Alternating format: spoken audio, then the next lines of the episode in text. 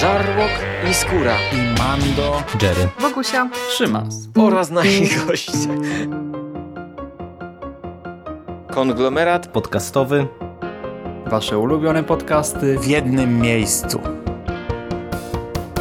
Zapraszamy. Zapraszamy. Zapraszamy. zapraszamy. Zapraszamy.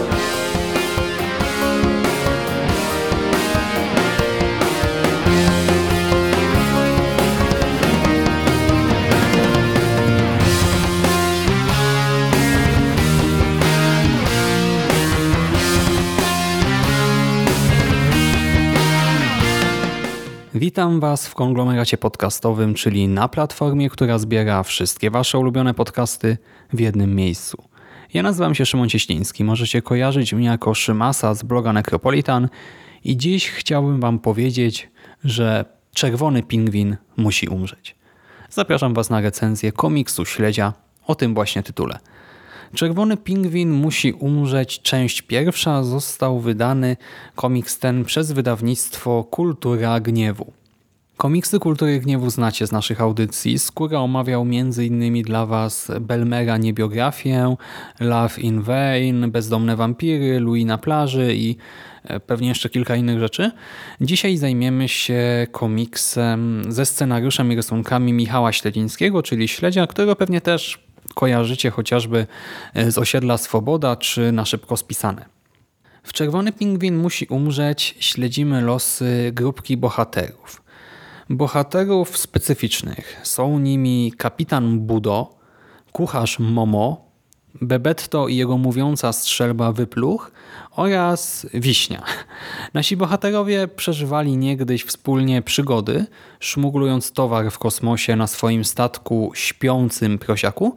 Niestety na skutek fatalnego zauroczenia kapitan Budo zdecydował się uratować cały system, atakując papugatą, czyli innego międzygwiezdnego pirata. Starcie przegrał, statek stracił, a jego załoga została rozbita i rozprzestrzeniła, rozpieszła się po świecie. Jest to, jak słyszycie, przygodowy komiks w konwencji hybrydowej na pograniczu fantasy i science fiction. Śledziu wykreował tutaj nowy, dziwaczny świat. Jest to taki kosmos, po którym w cudzysłowie pływają statki żaglowe i ogromne ryby.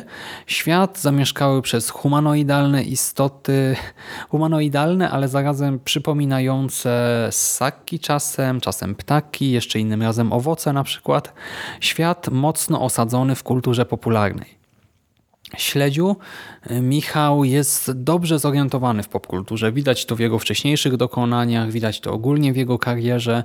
Mam tutaj na myśli na przykład Secret Service czy Produkt i czuć to także tutaj. Cała ta historia to kompilacja różnych utartych schematów, wykorzystywanych czasem dosłownie, czasem na opak, tak ironicznie, humorystycznie.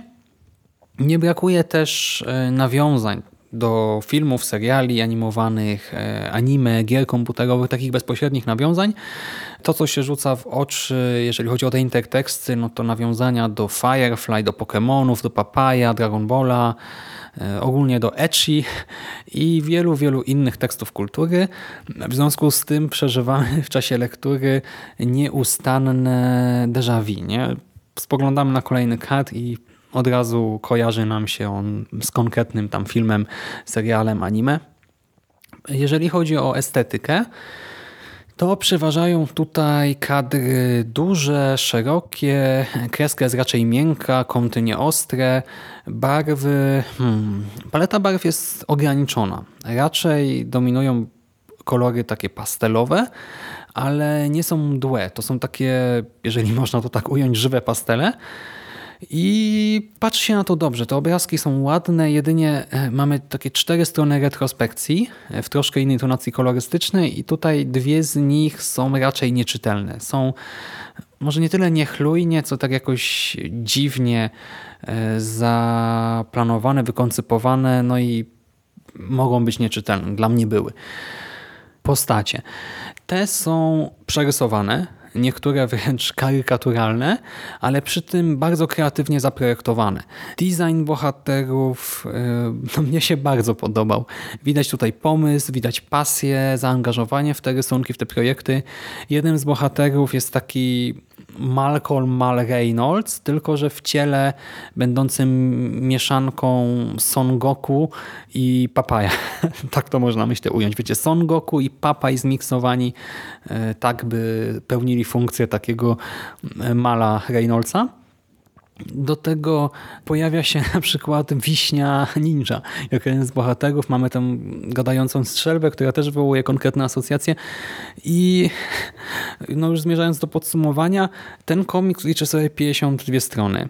Kosztuje 40 zł i ta cena wynika w dużej mierze z tego, że on został wydany naprawdę ładnie. Bardzo ładnie, twarda oprawa, papier, Arctic The Volume, świetnej jakości. Przy czym no, ta cena 40 zł za 52 strony to nie jest e, szczególnie mało. No i czy warto, czy nie warto po to sięgnąć? Hmm, no jakie są plusy? Trzeba przyznać, że przyjemnie się to wszystko czyta. To jest przyjemna, e, ciekawa lektura. E, Odkrywanie nawiązań wywołuje równie przyjemne poczucie déjà vu. Design postaci jest świetny, pomysł na świat też mi się bardzo podoba. Ci bohaterowie są sympatyczni, niekoniecznie stricte pozytywni pod każdym względem, ale z przyjemnością śledzi się te ich tutaj proste, krótkie przygody. I do tego całość została bardzo dobrze wydana e, w nietypowym formacie. To jest dokładnie 235 na 165 mm e, na bardzo ładnym papierze wysokiej jakości. Świetna rzecz niby, nie? Tylko problemem jest fakt, iż cała ta historia to zaledwie prolog. E, Obserwujemy tutaj zawiązanie się tej drużyny. E, Poznajemy dwójkę bohaterów, oni coś tam sobie wspominają, przemieszczają się troszkę po tym świecie, e, docierają do reszty tej ekipy, następuje zawiązanie drużyny i tyle. Mamy tutaj w gruncie rzeczy niewiele fabuły. Gdybyśmy to chcieli streścić, to naprawdę, no to kilka zdań i już wszystko opowiedziane.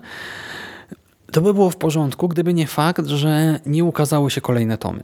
I w związku z tym po lekturze pozostaje ogromny niedosyt. Masa rzeczy, które jakoś są tylko zasygnalizowane tutaj, no już nigdy nie zostaną prawdopodobnie rozwinięte, nigdy się nie dowiemy, co się wydarzy z bohaterami, e, z ich statkiem, jak się zakończy konflikt z papugatą, czy co z tym czerwonym pingwinem tytułowym o co w tym wszystkim chodzi i w związku z tym faktem, no trudno mi to polecić. Jeżeli lubicie śledzia, lubicie kulturę gniewu, chcecie ich wesprzeć, no to spoko.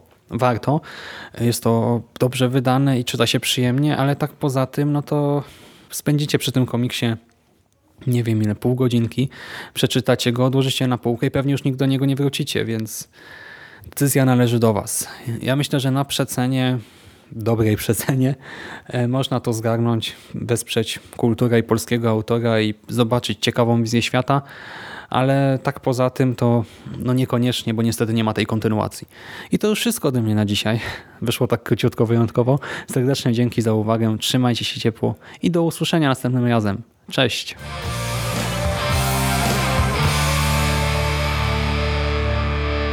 You finished? We gonna do now? What are we gonna do? It's over. Nothing is over! Nothing! You just don't turn it off!